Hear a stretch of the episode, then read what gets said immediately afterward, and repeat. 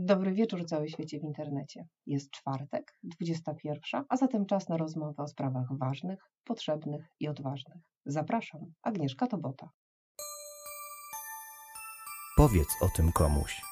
Audycja o Was, dla Was i o nas trochę też.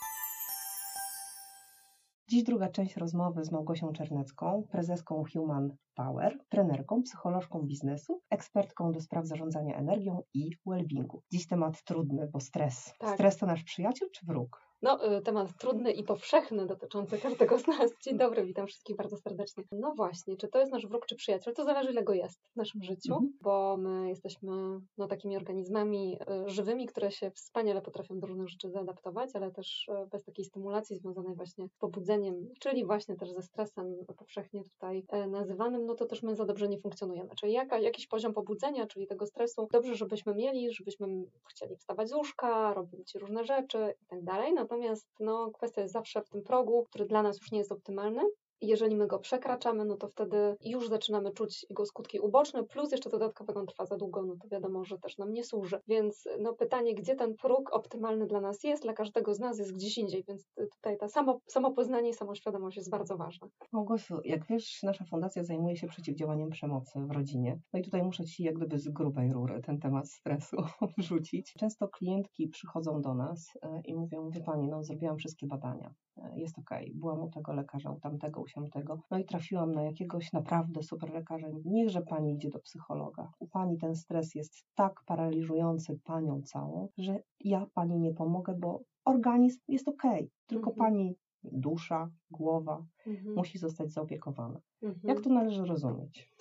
Tak, e, to super, że w ogóle tacy lekarze są. To po pierwsze, czyli patrzący holistycznie, a nie tylko na nasze poszczególne organy, bo my jesteśmy systemem naczyń połączonych, czyli e, nie jesteśmy, jak idziemy do lekarza, tylko wątrobą, czy płucami, czy sercem, tylko po prostu po pierwsze jesteśmy całym holistycznie organizmem. Druga sprawa, organizm, nasze ciało jest bardzo mocno połączone z naszymi emocjami, z tym, co czujemy i jest jakby anteną, jest receptorem tego, co się dzieje. Nasze ciało nam wszystko dokładnie komunikuje i mówi. No pytanie, czy z kolei to, co czujemy i to, co jakby odczuwamy też na poziomie fizycznym i emocjonalnym, jest też połączone z, z, z naszą głową, tak, i z tą sposobem naszego y, y, y, myślenia i funkcjonowania, bo bardzo często jest tak, że głowa sobie, a ciało sobie i emocje sobie. I teraz bardzo ważne jest to, żeby zdać sobie sprawę, że ciało cały czas nam różne rzeczy komunikuje. I jeżeli my tego nie słuchamy, jakby to jest ciągłe nadawanie, tam nie ma przerwy. My jesteśmy w stanie wszystko wyczuć. Wyczuć to, czy nam jest po drodze z jakąś osobą, y, wyczuć zagrożenie, wyczuć, czy jakby poczuć na przykład naszą intuicję. Ta intuicja też ma pewien ośrodek w ciele, prawda? Czyli No ale Małgosia, jedną rzecz gdybyś wytłumaczyła jako specjalistka w tym zakresie, no bo dostajemy, mówisz o tych sygnałach, które Tak. dostajemy, no mówisz, że to ciało jak gdyby komunikuje, czasem krzyczy, a jeżeli my jesteśmy głusi na to tak. e, i wiesz, i przychodzi taki moment, że wiesz, zaczyna cię boleć, nie wiem, żołądek, e, kolana i tak dalej, i tak dalej i trafiasz na takiego mądrego lekarza. Ale jeżeli nie trafisz na takiego mądrego lekarza, No to tak. jak to czytać? Jakie, jak te znaki? Co, co, co dokładnie?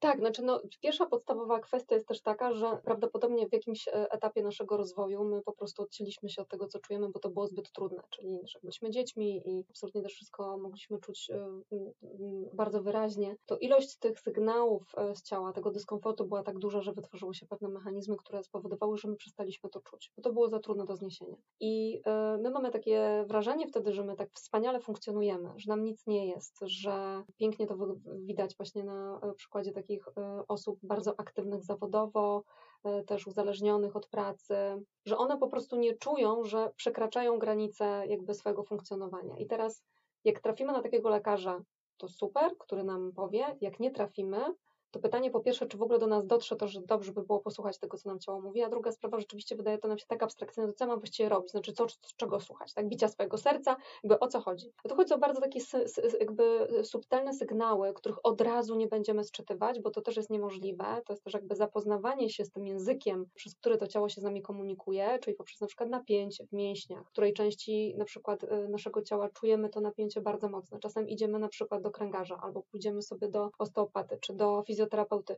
bo napięcie, które my kumulujemy na skutek różnych wydarzeń w naszym życiu jest tak duże, że my nie jesteśmy w stanie spać, siedzieć, nie wiem, mamy jakieś dolegliwości już bardzo mocno na przykład w obrębie naszego, naszych mięśni. I to już jest taki ekstremalny sygnał, to już jest krzyk taki naszego ciała, oczywiście tych krzyków też może być o wiele więcej, bo możemy mieć, nie wiem, e, arytmię, tachykardię, migreny, zawroty głowy, krwotoki z nosa, tego jest naprawdę bardzo dużo, jakieś e, zaburzenia układu pokarmowego, ale bardzo ważne jest to, żeby zacząć sprawdzać, jak w różnych sytuacjach my się czujemy. Wchodzimy w nowe środowisko, jakby ok, zakładamy tą maskę, że jesteśmy tacy super profesjonalni, e, no, odważni, a w środku nam się wszystko kotuje, prawda? Czyli to nie jest nasz naturalny sposób działania, ale zostaliśmy wyuczeni nie czuć tego, że się czujemy w dyskomforcie, czyli się zbieramy w garści, idziemy, bach w tłum ludzi, których nie znamy i się przedstawiamy i uśmiechamy i oczywiście jest źle i trudno nam jest w dyskomforcie, czy w naszym życiu się źle dzieje, ale uśmiechamy się i to są nasze też mechanizmy obronne, plus jeszcze do tego maski, w których my się świetnie odnajdujemy, tyle tylko, że w odcięciu od ciała, więc to co możemy zrobić, to wchodząc w takie środowisko, po prostu na przykład stanąć na chwilę i jakby sprawdzić, zrobić takie skanowanie ciała od góry do dołu. Dobra, to jak ja się czuję? Czy mam przyspieszony oddech? Czy mi y, wali serce? Czy robi mi się gorąco? Czy ja mam ściśnięte gardło? Jakby w ogóle zacząć patrzeć, jak ja funkcjonuję w tym, bo nasze ciało nam absolutnie wszystko komunikuje i też dzięki temu będzie nas ostrzegać. Jeżeli my przeginamy i przekraczamy granice e, tej naszej wytrzymałości w napięciu, stresie, e, w przeciążeniu, to nasze reakcje, działania na rzecz tego, że wychodzimy z tej sytuacji albo się regenerujemy po takim dla nas stresującym wydarzeniu, spowoduje, że nasze ciało nie będzie musiało tego manifestować w bardziej brutalny sposób, na przykład fundując nam jakieś bardziej e, takie no, spektakularne choroby, prawda, z których po prostu potem ciężko wyjść, bo wszystkie emocjonalne doświadczenia zapisują się w ciele. Wszystkie. A często powtarzasz, bo słucham sporo Twoich rozmów, że stres jest w naszej głowie. Tak. to oznacza, że stres jest w naszej głowie? Tak, znaczy no, no, no bo to jest jakby, mm, mm, tak, y, tak zastanawiam się, co powiedzieć, żeby to było tak bardzo zrozumiale, bo czasem ja mam wrażenie, że y, już że tak y, bardzo płynę w takie abstrakcyjne konstrukty. Tak naprawdę no my żyjemy i funkcjonujemy jakby w świecie, który sobie sami kreujemy w głowie, prawda? Czyli my jesteśmy wypadkową oczywiście systemu wychowania, wartości, tego, co zostało nam przekazywane przez rodziców. Mamy pewne przekonania, które albo nas wspierają, albo nas ograniczają. Mamy też przekonania, przekonania na temat siebie, na temat świata, w związku z czym my nie potrafimy na dzień dobry rozpoznać, co jest pewną kreacją, a jak jest naprawdę, ponieważ my nie znamy innego świata. To trochę tak jak w związkach. My przekładamy pewne schematy z relacji naszych rodziców, nie dlatego, że one są dobre, my widzimy na przykład, co nie grało w relacji z naszymi rodzicami, ale potem nawiązujemy relacje z jakimś nowym partnerem czy partnerką i powtarzamy te schematy. I to nie dlatego, że chcemy, tylko dlatego, że nie wiemy, jak jest inaczej. Czyli my jesteśmy trochę sformatowani, tak jak bierze się dysk, formatuje się go do określonego kształtu. My jesteśmy sformatowani. Jak jeszcze inną metaforę, jestem mistrzynią chyba metafor, na pewno dzisiaj, to tak jak jest ciasteczka na święta w pewnych foremkach. My jesteśmy uformowani i teraz wyjście z tej formy jest strasznie trudne, więc nasz umysł też tak działa. My po prostu działamy automatycznie, schematycznie. No oczywiście, jeżeli trenujemy swoją uważność, no to już nie będzie to takie automatyczne, ale załóżmy, że jednak większość z nas tego nie robi, prawda? Więc i zbodziec jest reakcja, więc my mamy na wszystko jakby określoną e, interpretację, w związku z czym, no to się po prostu dzieje, a to nie znaczy, że to jest jedyna prawda objawiona. My mamy tak, ale jak drugą osobę zapytamy, co ona myśli, czuje, sądzi w danej sytuacji, to ona może mieć totalnie inaczej. Co to oznacza? Że nasz świat i to, jak go widzimy, jest w naszej głowie, nigdzie indziej. I teraz pytanie, czy warto podważać to, w jaki sposób funkcjonuje nasz umysł? Absolutnie tak. I to jest oczywiście e, bardzo trudne, bo pewnie zaraz takie kolejne pytanie, które by Ci przyszło do głowy, ja już nie wiem, czy by Ci przyszło, to od czego zacząć, żeby przestać tak myśleć, tak? Ale to oczywiście jest, ja się śmieję, że zawsze warto podważać, mhm. czy to na pewno jest prawda, co my myślimy, czy to naprawdę taka okay, interpretacja jest właściwa. Okej, okay, dobrze. Pewnie by mi to pytanie przyszło do głowy, ale wiesz co, ja pójdę krok dalej. Jeżeli już jesteśmy świadomi tego, mamy jakąś naprawdę fajną osobę, która nam podpowiada, która nam tak, tak nas delikatnie pcha do przodu. E, nie mówię dosłownie oczywiście, tylko podsuwa nam różne rzeczy, podsuwa różne rozwiązania. No i dobrze. I wiemy, że słuchamy swojego ciała, wiemy, że ten oddech, że włosy nam wypadają, że coś tam się innego dzieje jak zacząć o siebie dbać, żeby nauczyć się z tym stresem żyć, żeby wiedzieć, że ten stres to jest ten stres, żeby go opanować i żeby on nie był tym naszym nieprzyjacielem, tym nazwijmy to w cudzysłowie troszkę zabójcą, nie? Mhm, tak, no tak, to, jest, to też jest bardzo ciekawe, dlatego że jak my jesteśmy uformowani w określony sposób, to też, my też mamy bardzo często, e, zdarza się, że możemy mieć absolutnie przesunięte granice tej naszej tolerancji, która byłaby dla nas optymalna, czyli na wielu konferencjach e, biznesowych ja słyszę, kto jak nie my, my damy radę, powstają na ten temat różnego rodzaju tam nawet piosenki zespołowe, że jesteśmy tacy super i nie zdajemy sobie sprawy z tego, że okej, okay, my robimy tą pracę, osiągamy cele i jednocześnie przekraczamy w ogóle swoje granice i biologicznej, ale też psychologicznej wytrzymałości. Bardzo często też dlatego, że oglądamy się na innych i inni też tak robią. I my tracimy ten kontakt ze sobą, gdzie jest nasza granica. My po prostu tego nie czujemy, bo z jednej strony oczywiście nie jesteśmy z tego nauczeni, z drugiej strony w ogóle nawet się nad tym nie zastanawiamy, tak? Po prostu my jakby na, na żadnym etapie edukacji nie było tego tematu. Robimy po prostu, prawda? I teraz to, to, to, co, y, y, to, co warto zrobić, to po prostu zacząć y, obserwować, po jakich sytuacjach ja się jak czuję, w jakich sytuacjach jak ja się czuję i też po nich. Co powoduje, że ja na przykład czuję się, jakbym była, czy był 5 centymetrów nad ziemią, że po prostu jestem uskrzydlona, czy uskrzydlony, mam super pozytywne, silne emocje, mam ochotę przenosić kury, a po jakich spotkaniach czuję się totalnie wydrenowana, czy wydrenowany. Bardzo często po tych trudniejszych sytuacjach przechodzimy do porządku dzielnego. Nie dajemy sobie nawet momentu na oddech, nie mówiąc już na poddaniu te, temu refleksji. Nie wiem, włączamy sobie Netflixa, albo idziemy w drzemkę, albo nie wiem, no zaczynamy inne zadania. I od tego zaczyna się ten moment, od samoobserwacji, czyli ok, sprawdzania, jak ja się czuję po danym dniu, ile energii ja zużyłam, czy zużyłam na dane działania, ile pozyskałem, co mi tą energię daje, ograniczanie tych momentów i działań, i zachowań, i zadań, które mnie drenują, o ile oczywiście możemy, a jeżeli nie możemy, to też przygotowanie odpowiednie siebie i mentalne, i fizyczne do tego, żeby dać radę. Bo trzeba pamiętać, że też jeżeli mamy zasoby, szczególnie teraz jest to ważne, do tego, żeby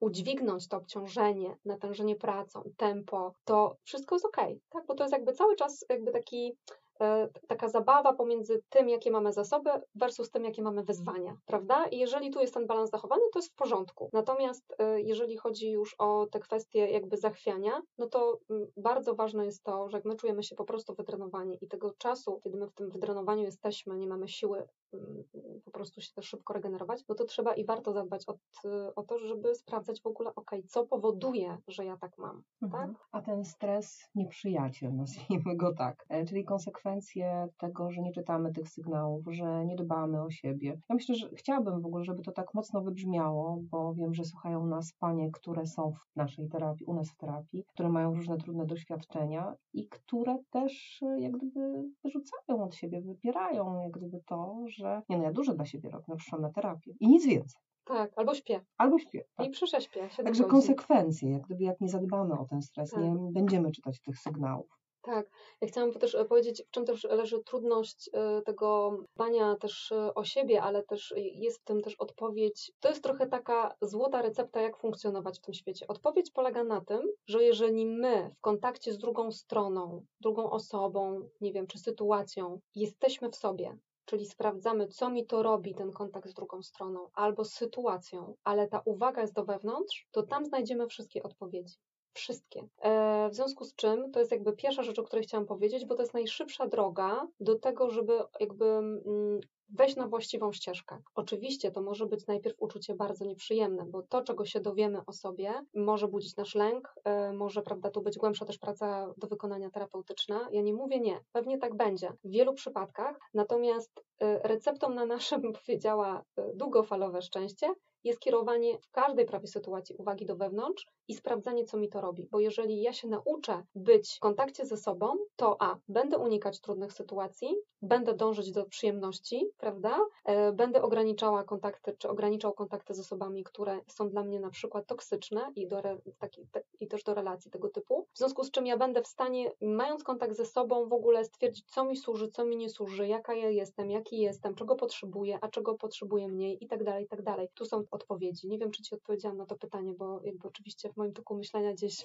popłynęłam. Po prostu zmieni nam się też jakość życia. Tak, e, nie tak. będziemy musieli zastanawiać się, czy, czy to ze mną jest coś w porządku, bo często też osoby, które przychodzą, mówią, nie no, oni tak na mnie patrzą, oni tak mnie obserwują, to chyba ze mną jest coś nie tak. I my mm. wtedy mówimy, nie, z Tobą jest wszystko w porządku, tylko tak. jak gdyby Ty nie zopiekowałaś się sobą, nie pozwoliłaś sobie na różne jak tak. gdyby rzeczy, a przede wszystkim na tą miłość do siebie. Tak, tak, bo, bo, bo my w ogóle nie jesteśmy y, nauczeni tego, że my jesteśmy ważni. My jesteśmy do obsługi innych, tak? Mhm. Szczególnie to widać też w grupie pań, y, że najpierw inni, potem ja, mhm. na samym końcu, prawda? Czy ja, ja jakby za, jestem od zaspokajania potrzeb, ale też oczekiwań innych osób. Małgosiu, dodam Ci pytanie takie z serii ćwiczeniowej. Pewnie wiesz, pewnie używałaś kiedyś tego sama, maska tlenowa, samolot, kto pierwszy, mama czy dziecko. Mamy 50 pań w gabinetach, które przychodzą w ostatnim czasie. Jak myślisz, jak ta proporcja się rozkłada? E, ile pań w sobie, ile dziecku? No, yy, zdecydowana, myślę, że nie wiem, z 95% najpierw dziecko, potem ja. 80. No, nie, no to tak, tak, to, to, to, tak, no bo to jest właśnie to, że ja jakby, y, dzisiaj też miałam takie spotkanie, tym razem z mężczyzną, ale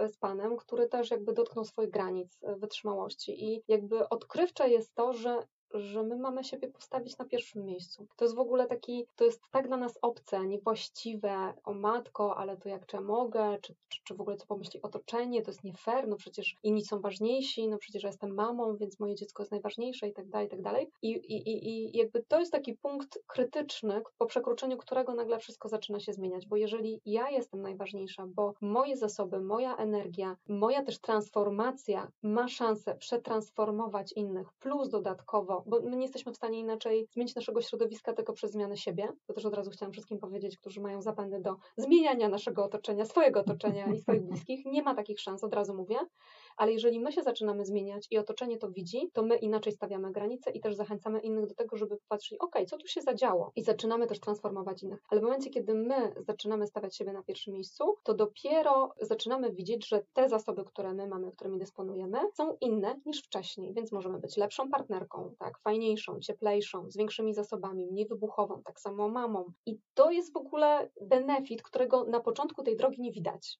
Mhm. I myślę, że to jest takie najważniejsze, tak? Wiesz co, przypomina mi się taki temat szkolenia, z który zawsze powodował uśmiech u mnie na twarzy, e, jak zarządzać stresem. Oj, tak. Aha. Ja nie wiem, dlaczego mi się akurat teraz to przypomniało i wiesz, zawsze zastanawiałam się, co autor ma na myśli, tak. E, jak e, proponuje taki temat szkolenia. Ale teraz tak sobie myślę, a propos tego zarządzania stresem, nie wiem, czy tak można powiedzieć, zaraz mnie poprawisz. Zarządźmy, spróbujmy zarządzić sobą, mhm. swoim dobrostanem, swoją energią, swoim życiem. Opanujmy to, tak. a wtedy po prostu będzie nam się łatwiej żyło.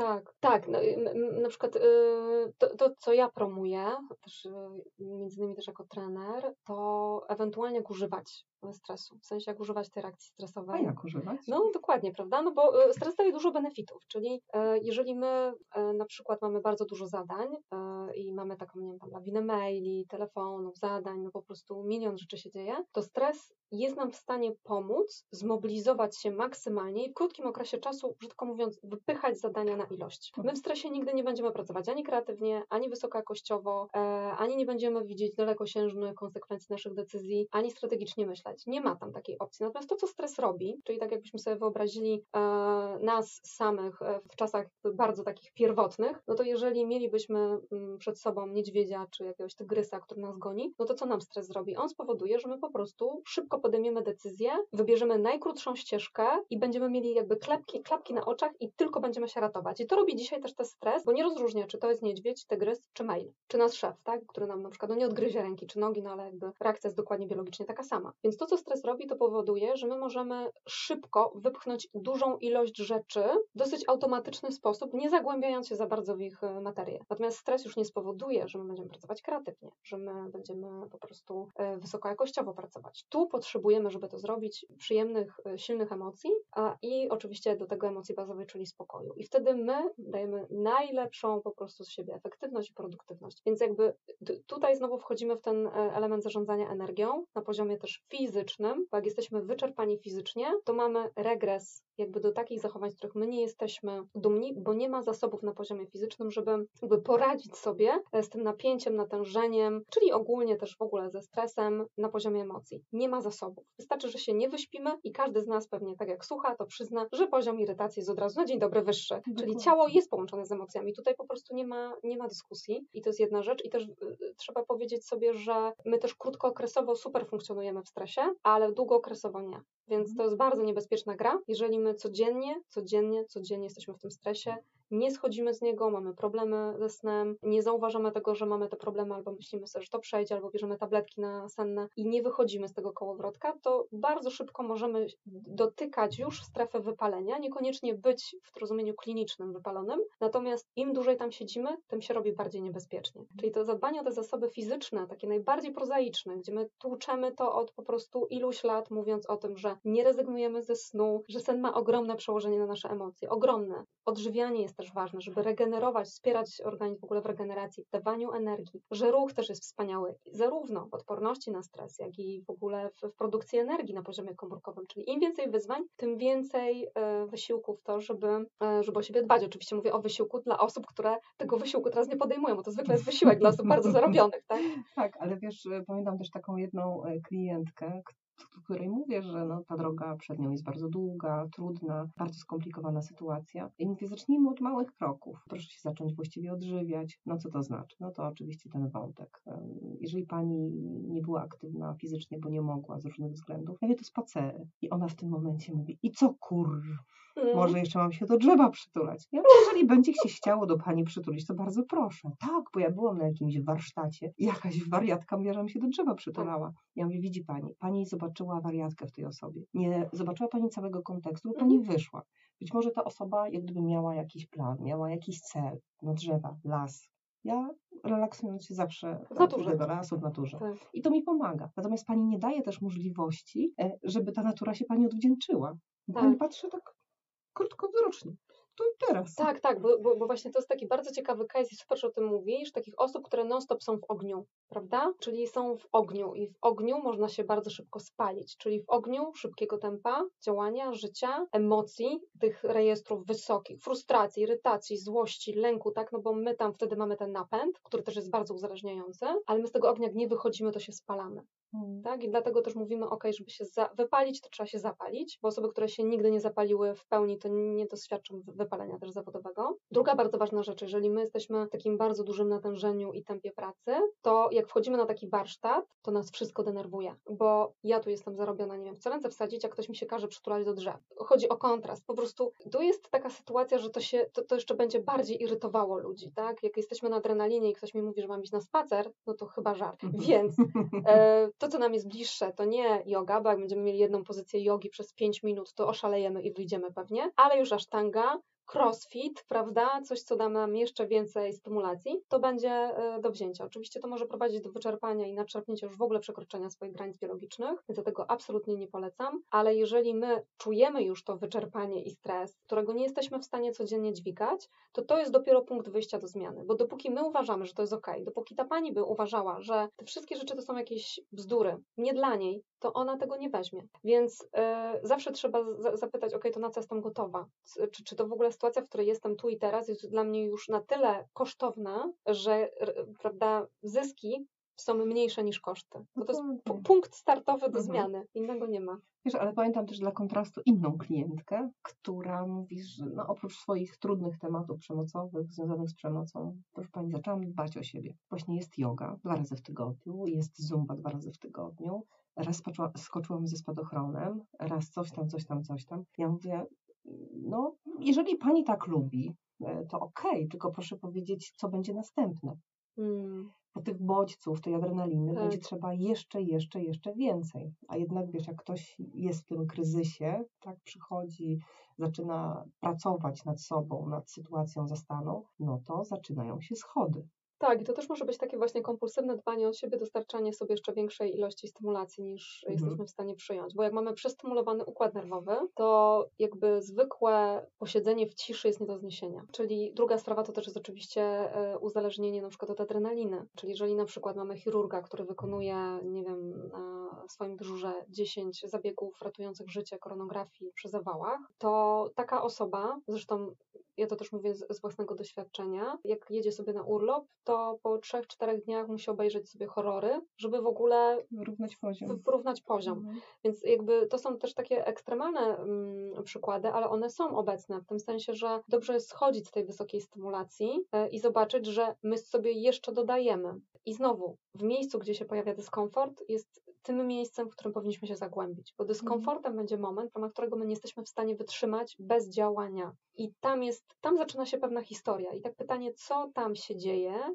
co ten dyskomfort nam mówi o nas samych. I to jest, nie jest to przyjemny proces, absolutnie. Natomiast to jest taki proces samorozwoju, y, proces też w ramach którego my możemy w ogóle coś zacząć zmieniać. Ale faktycznie zawsze tą, tą nadzieją dla mnie jest też to, że takie osoby przychodzą na terapię, przychodzą po pomoc, bo to jest ten czynnik, który mówi, ok, chcę coś zmienić. Więc jakby nawet jeżeli ktoś jest w oporze albo wymyśla i, i, bawi się w grę z nami w tak ale i wymyśla różne no, wytłumaczenia, dlaczego jakby pomysły, które na przykład doradca, czy coach, czy mentor podaje jako możliwe, nie są dla niego możliwe czy dla niej, to mimo wszystko, że jest na tej sesji, powoduje, że tam jest punkt, prawda, y, do zaczepienia do pracy. Więc jest to jak, jakaś forma wyboru, ale bardzo ważne jest to, żeby, y, żeby właśnie pokazywać i konfrontować dawać jakby taki efekt lustra tej osobie, żeby ona też widziała z niej perspektywy, jak to wygląda, bo znowu my widzimy tylko jedną rzeczywistość, prawda, naszą własną, nie, nie, nie jesteśmy w stanie sobie wyobrazić e, innej, bo jej po prostu nie znamy, bo nasze oczy widzą tylko to, co widzą. Kosia, mm, chciałabym Ci zadać na koniec pytanie, pewnie nie lubisz takich pytań, bo ja też ich nie lubię. Co w tym COVID-zie, no bo po COVID-zie nie można powiedzieć, bo jesteśmy w trakcie, cały czas w jakimś trakcie jesteśmy. E, jak ta nasza kondycja psychofizyczna, słuchaj, wygląda, jak ona będzie wyglądała?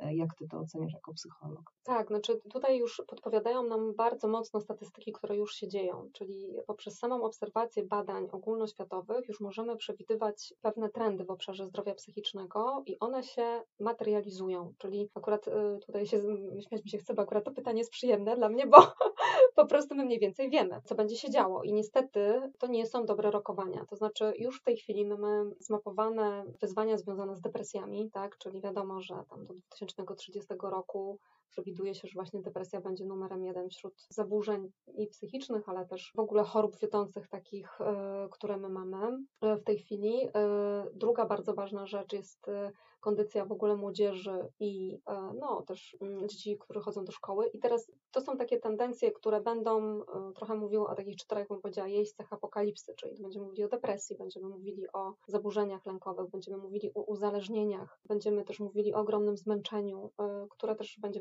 oczywiście dotykało wypalenia. Więc my jesteśmy dopiero na początku tej drogi. To jest trochę tak jak tsunami, czyli zatrzęsła się ziemia na oceanie, i w tej chwili uruchamia się fala, która idzie powoli, bo tsunami nie działa szybko. Ona idzie powoli, zmiata, potem się cofa i znowu idzie. I mam wrażenie, że pierwszą falę zebraliśmy pod koniec zeszłego roku, czy też w ogóle w zeszłym roku, kiedy ten COVID jakby zaczął się rozwijać, to była ta fala lęku, niepokoju o własne zdrowie, o życie, fundamentalne pytania, prawda, egzystencjalne i tak dalej, koszty tego ponieśliśmy duże. Czynnik stresu się zmienił na ten związany z pracą, z tym, że musimy zajmować się rodziną, z tym, że nie dajemy rady, że jesteśmy przeciążeni fizycznie, emocjonalnie, że doświadczamy konfliktów rodzinnych, często, nieczęsto przemocy, że nie dajemy sobie rady i teraz my zbieramy jakby taką falę konsekwencji długofalowych, tak? Gdzie my nie jesteśmy w stanie bez pomocy, ale też bez budowania świadomości w tym obszarze jakby sobie z tym poradzić. I, I, będą tego zarówno doświadczać y, osoby indywidualne, jak i pracodawcy i cały też rynek pracy i liderzy, tak, którzy Dobrze, też są w kiepskiej... temat e, rynku pracy, bo właśnie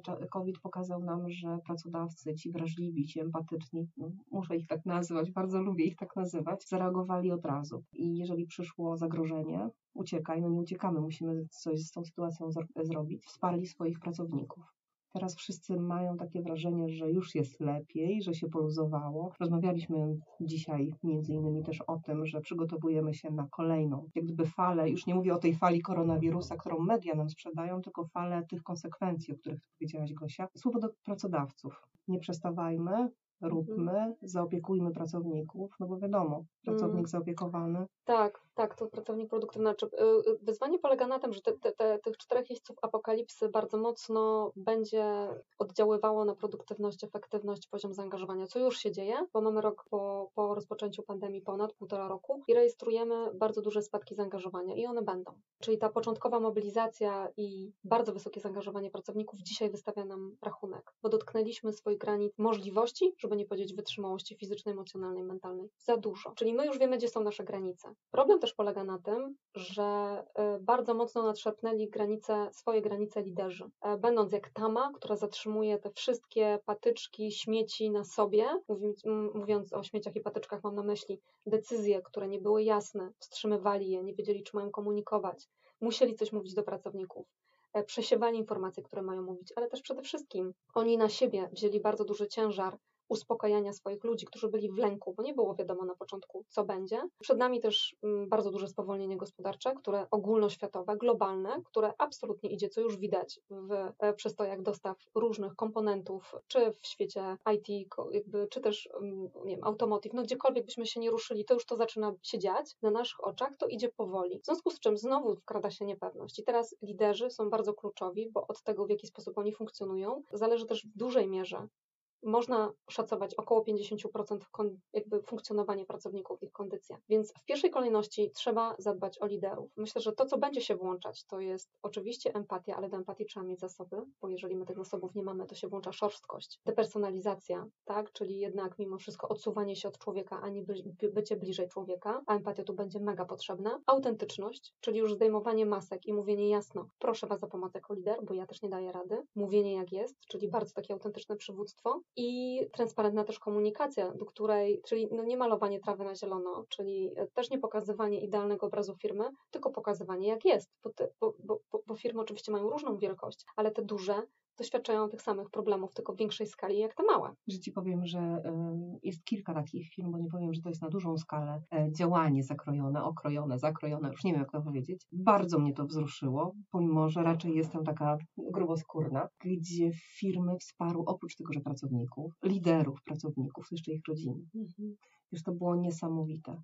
Tak. E, jak e, patrzyliśmy na to, co się dzieje, jak się dzieje, wiesz, dobro i dzieci są zaopiekowane, no bo oczywiście pandemia spowodowała, że tych problemów się nagle zaczęło robić dużo na różnych liniach, tak? I myślę, kurczę, żeby wszystkie firmy takie były. Wiesz, to jest życzeniowe oczywiście, tak. ale e, jeżeli oczywiście słuchają nas takie osoby, które mają na to wpływ, to tak jak Gosia powiedziała, zadbany pracownik, zaopiekowany pracownik, to jest efektywny pracownik, to jest wykonana robota, to są wyniki, tak. to jest tak wszystko, co no i też brak y, i absencji, i rotacji, bo mm, zwróćmy uwagę, że bardzo mocno wzrastają statystyki dotyczące zwolnień lekarskich z powodu zaburzeń y, psychicznych, to rzeczywiście obniżonego nastroju, no tych powodów jest tam dosyć sporo, ale na pewno y, jakby konsumpcja mm, konsultacji psychiatrycznych i psychologicznych wzrasta, co już jakby w wielu miejscach to widać, również po zwolnieniach lekarskich, które podaje nam e, chociażby ZUS. I, i, i to jest jakby pewien fakt niezaprzeczalny, liczbowy, z którym się już dzisiaj e, spotykamy, w związku z czym popatrzmy patrzenie na pracownika jako element całego systemu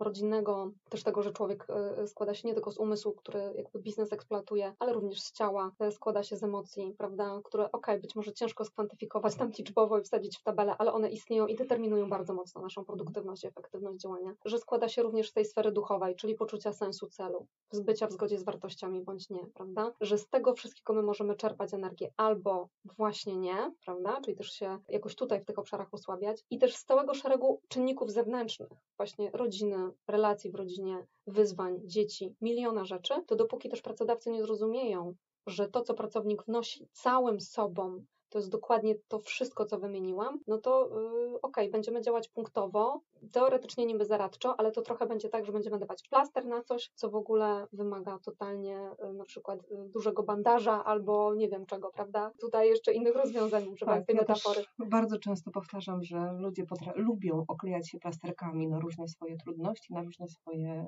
y, rzeczy, które je uciskają. Słuchajcie, z plasterkami jest tak, że one odpadają, one się odklejają, jeżeli to nie będzie systemowo dopatrzone, zadbane, no to nie zadziała. A druga jeszcze rzecz, myślę, że też warto ją poruszyć. Jeden z klientów, firma X, e, zamówiła właśnie w czasach pandemii konsultacje dla swoich pracowników na Śląsku. Pierwszy tydzień nikt nie dzwoni. No i tak sobie, wiesz, myślimy, o co chodzi, przecież tutaj jest taka wielka potrzeba i tak dalej. I rozkładamy to na czynniki pierwsze.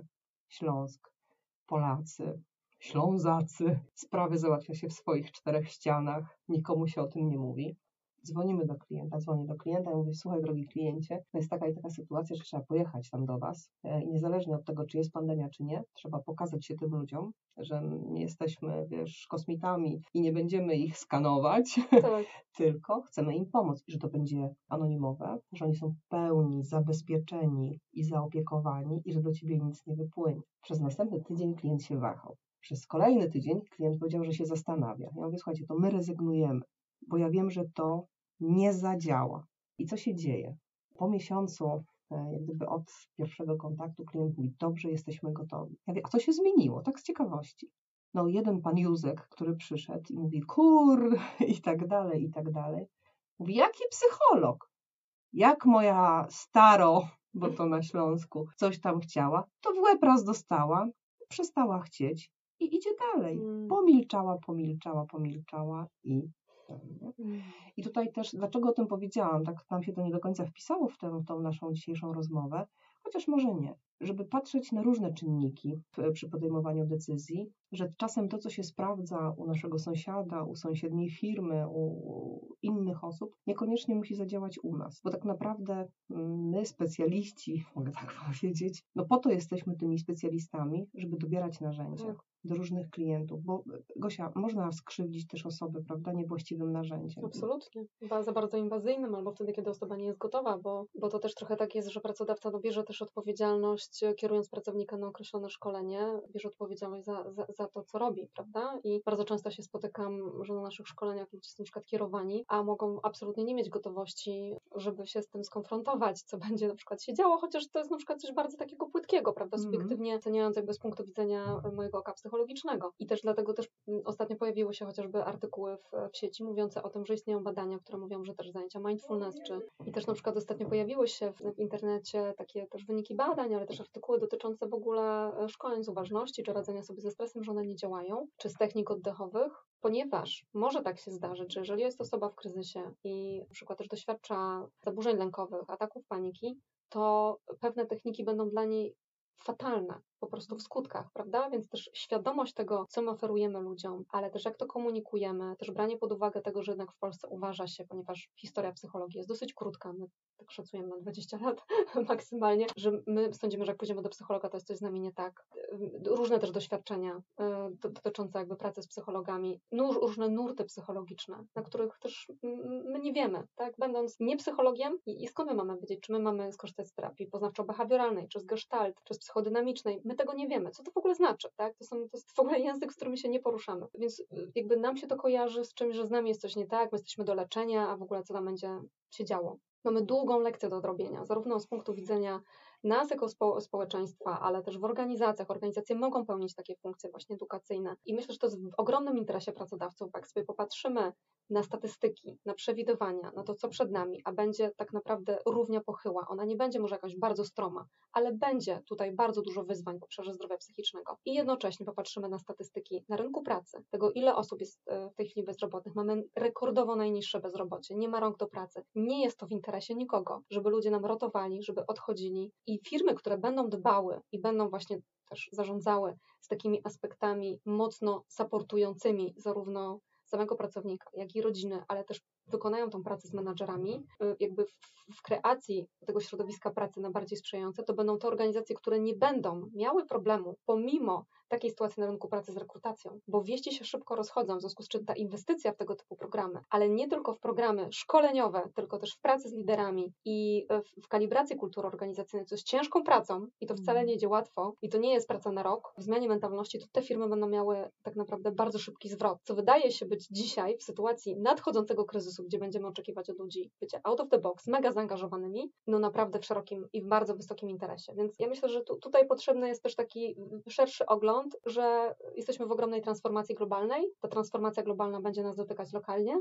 I, Mhm. I po prostu, i to jest jakby ostatni dzwonek, żeby naprawdę usiąść i strategicznie pomyśleć, co zrobić, ale też e, strategicznie zadbać o siebie na poziomie indywidualnym. Uuu, dużo wskazówek, dużo rekomendacji, ale najważniejsza, drodzy Państwo, dbamy o siebie, słuchamy siebie, jesteśmy dla siebie dobrzy, Tak, bo jeżeli te trzy rzeczy zrobimy, e, no to będzie nam się łatwiej żyło. Będziemy mogli patrzeć szerzej na to, co się dzieje dookoła. Będziemy mogli wybrać firmę, która jest odpowiedzialna, która zadba o nas, o naszą rodzinę też na przykład. Będziemy mogli się spotykać na sali szkoleniowej z Małgosią i z jej zespołem, albo z nami i z naszym zespołem. E, Mamy nadzieję, że tych wyzwań będzie bardzo, bardzo dużo. Tego Państwu jak gdyby bardzo życzymy e, gorąco. Małgosiu, coś na koniec? tak. No i też, żeby e, z taką e, większym może dystansem podchodzić e, do lęku, który czujemy, bo ten lęk jest e, takim czynnikiem, od którego warto się odwracać, bo on jest właśnie dokładnie w naszej głowie, więc praca e, jakby od, w odklejeniu od lęku i ta rzeczywistość kreowana bez niego będzie po prostu lżejsza, więc praca z tym aspektem też jest bardzo ważna i wtedy po prostu poczujemy przypływ powietrza i przestrzeń do tego, żeby coś dalej robić. Małgosiu, Ci bardzo dziękuję za dwie ostatnie rozmowy. Rozmowę. Mam nadzieję, że dasz się jeszcze zapraszać na różne inne tematy, na dyskusję o różnych tematach.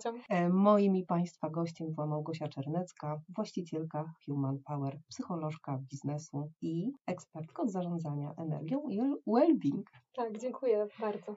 Dziękujemy bardzo. Subskrybujcie kanał Fundacji Art na YouTubie i bądźcie z nami w każdy czwartek.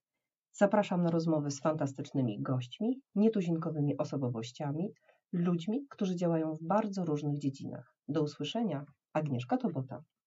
Podcast Powiedz o tym komuś to projekt Fundacji Art, która od 2008 roku pomaga osobom w kryzysach doświadczającym przemocy. Udzielamy bezpłatnego wsparcia psychologów, pedagogów, terapeutów, prawników, coachów. Teraz Ty też możesz wesprzeć naszych podopiecznych. Wejdź na stronę www.fundacjaart.pl i zobacz, jak możesz to zrobić. Podcasty są współfinansowane przez Urząd Marszałkowski Województwa Mazowieckiego. Powiedz o tym komuś. Audycja o Was, dla Was i o nas trochę też.